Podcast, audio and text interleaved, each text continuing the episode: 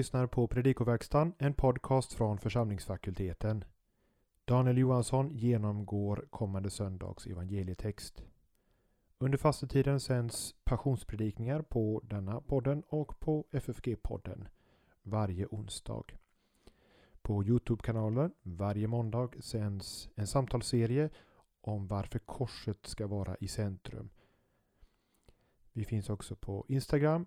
Följ oss och var med också informationen om teologiska studier med början i höst.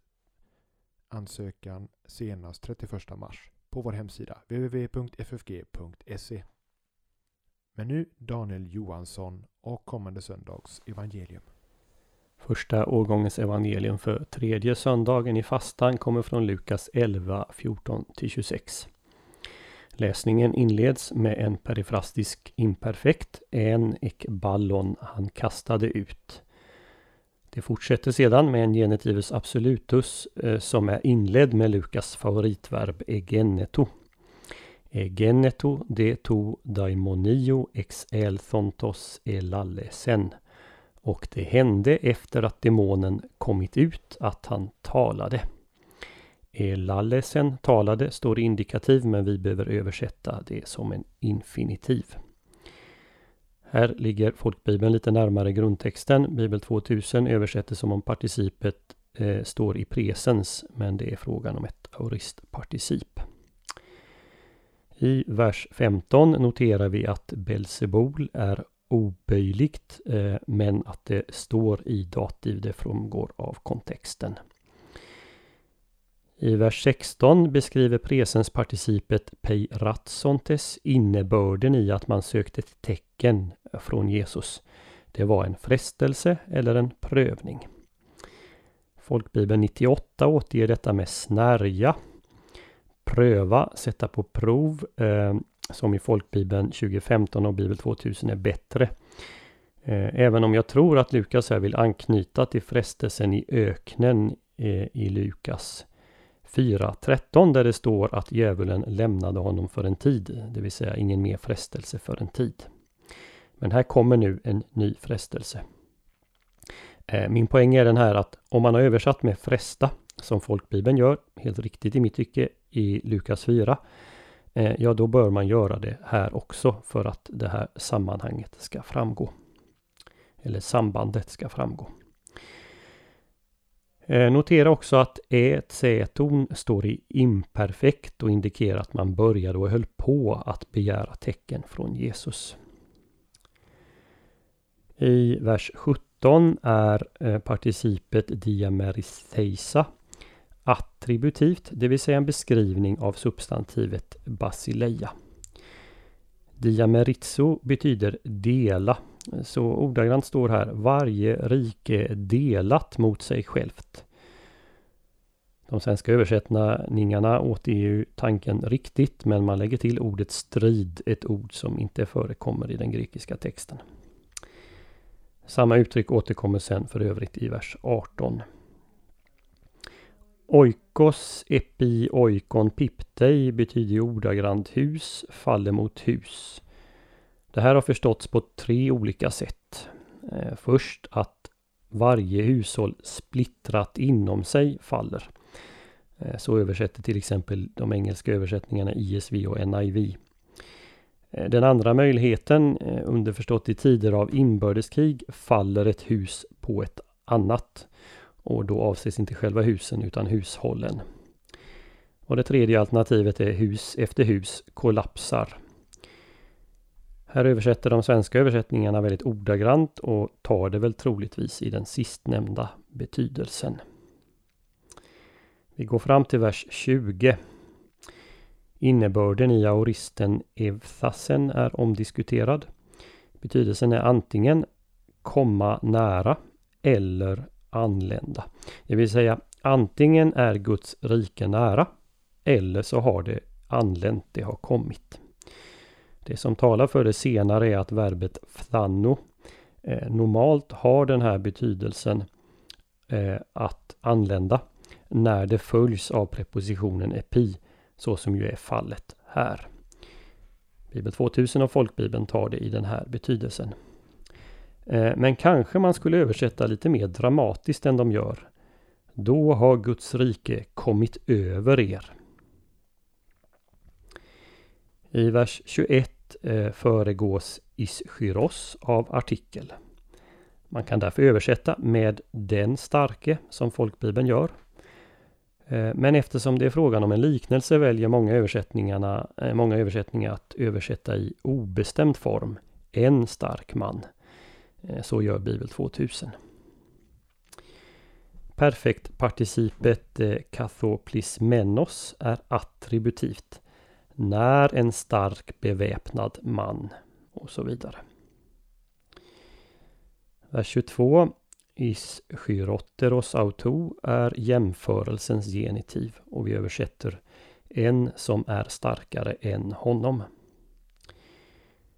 Eftersom man ytterst sällan stöter på en pluskvamperfekt i Nya Testamentet bör man kanske uppmärksamma att epepoithei är just det av verbet peitho som betyder lita på. Eh, I vers 24 i uttrycket eh, to akatharton pneuma eh, så föregås det liksom ischyros i vers 21 av artikel.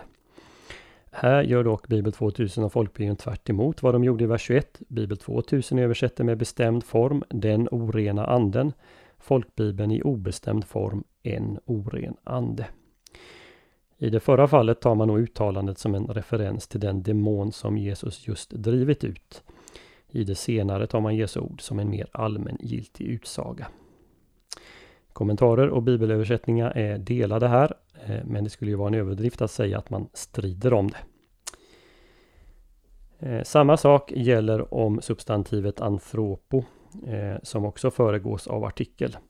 Tar man det som en generisk utsaga måste också människa vara obestämd i översättningen. Perfekt eh, participen cesaromenon kai kekos eh, med menon i vers 25 understryker att allt verkligen är förberett för att komma tillbaka. Det är sopat och ordnat eller pyntat.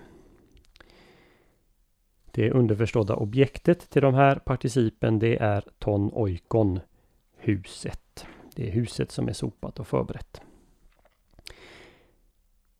Den här söndagens evangelium utgör inledningen på den tredje delen av Lukas reseskildring eh, som började i eh, 9.51.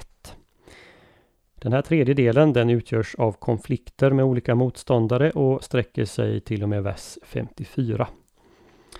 Strukturen är ganska intressant. Eh, undret som Jesus gör i vers 14 leder till två ifrågasättande. I vers 15 blir han anklagad för att stå i förbund med Satan. I vers 16 prövas Jesus genom att man begär ett tecken. Vad som sedan följer i verserna 17 till 26 är svaret på anklagelsen i vers 15. Svaret på begärandet av ett tecken den följer från och med vers 29. Jesus svar i vers 17 till 26 eh, kan i sin tur delas in i fyra delar. Där 17 till 20 handlar om hur Guds rike eh, kommit i och genom Jesus. Vers 21 till 22 eh, talar om Jesus som den starkare som strider mot den starke Satan och avväpnar honom. Vers 23 eh, talar om att de som inte följer med Jesus är emot honom. Och verserna 24 till 26. När Satan blir utkastad så måste han bli ersatt av den som besegrat honom, Jesus. När Jesus gör ett under eh, så blir reaktionen i regel att folket prisar Gud. Och jag listar en del av de här ställena i pdfen till den här podden. Men i det här fallet så är det annorlunda. Folkhopen häpnar visserligen, men två negativa reaktioner möter.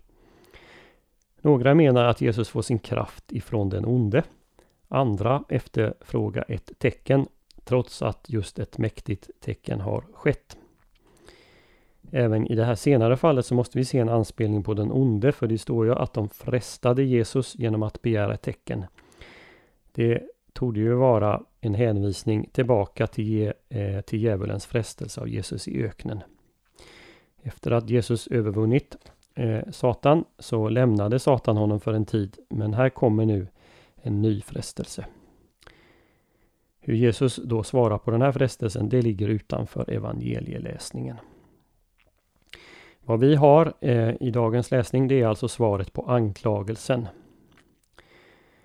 Namnet Belsebul eh, går tillbaka på den kananeiske guden Baal. Men det finns lite olika meningar om betydelsen. En del menar att dess ursprungliga form går tillbaka på ett uttryck som betyder den upphöjde. Eh, andra menar att det härstammar från den filisteiske guden i Ekron, nämligen Baal Sebub. Eh, det står om detta, eller han nämns i Första Kungaboken kapitel 1, verserna 2 till 3 och 6 och 16. Och betydelsen av det namnet är flugornas herre. Andra åter hänvisar till en ugaritisk skrift från det 14 århundradet före Kristus i vilket ett begrepp används om Baal som påminner om Belsebul och som betyder furste över jorden. Belzebul skulle i så fall betyda fursten Baal. I vilket fall så blir både Belsebul och det liknande namnet Belial beteckningar på Satan under perioden fram till Jesu födelse. Och här i Lukas så framgår ju av sammanhanget att Belsebul, de onda andarnas furste, är en beteckning på den onde, på Satan. Det kan väl vid första påseendet tyckas märkligt att Lukas påpekar att Jesus känner deras tankar. Det är något som Lukas ofta påpekar. Men vad är poängen här när båda grupperna tycks ha utsagt vad de tänker? Kanske det här är Lukas sätt att påpeka att en kontrovers är på gång. Det brukar nämligen vara så att Lukas nämner att Jesus känner eh, tankarna hos någon när det är en kontrovers på gång. Eh, Bibel 2000 löser den här saken genom att översätta Han visste vad de hade i tankarna. Vilket kan förstås så att Jesus eh, vet vad deras avsikt är snarare än vad de tänker just då. I den första delen av sitt svar pekar Jesus på det ologiska i att han skulle driva ut demoner med hjälp av deras egen furste. Ett rike eller ett hus i inbördeskrig kan inte bestå, vilket uppenbarligen Satans rike gör. Han hänvisar därnäst till andra judiska andutdrivares verksamhet. Kastar då de också ut demoner med hjälp av Belsebul? frågar Jesus retoriskt. Och så fortsatte han. Därför kommer de att vara era domare. Den här utsagan innebär eh, för det första att de som adresserar honom bejakar demonutdrivning och uppmuntrar sina söner eller anhängare att göra detsamma. Eh, men det betyder också för det andra att det här faktumet kan användas emot motståndarna. För det visar deras onda avsikt. I nästa led i sin argumentation ger Jesus en förklaring på vad han gör och den slutsats som då måste dras om man accepterar det. Uttrycket Guds finger förekommer på ställen som femte Mosebok 9.10 och Saltaren 8.4. De flesta ser dock en anspelning på andra Mosebok 8.19 där faraos magiker erkänner att det är Guds finger som är verksamt genom Mose. Det är alltså inte Satans makt som står bakom Jesus utan Guds och då följer slutsatsen att Guds, Guds rike måste ha kommit i och genom Jesus. I den andra delen av sitt svar beskriver Eh, Jesus sin verksamhet genom en liknelse. Han är själv den som är starkare än Satan och som håller på att avväpna honom och fördela bytnet. Här har vi ett Kristus Victor-tema, eh, eller ett kampstrid-tema, eh, som vi stötte på för första gången när Jesus vann, övervann Satan i öknen i kapitel 4. Här har vi nu också en anspelning på att han befriar fångar, något han omnämnde i sin första predikan i Lukas 4.18. Den tredje delen av Jesu tal ställer åhörarna då och nu inför ett val där det inte finns något neutralt svar. Det går inte att vara schweizare eller svensk så att säga och inta en neutral hållning.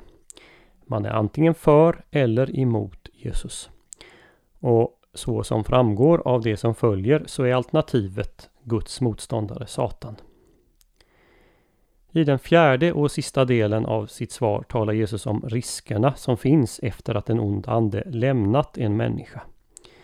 Om det blir ett tomrum kommer anden tillbaka och tar med sig sju andra andar, värre än den första. Sju är ju som bekant fullhetens tal. Anledningen till att den kommer tillbaka är att huset är städat och iordningställt för den. Det vill säga, det finns ingen där som kan stoppa den.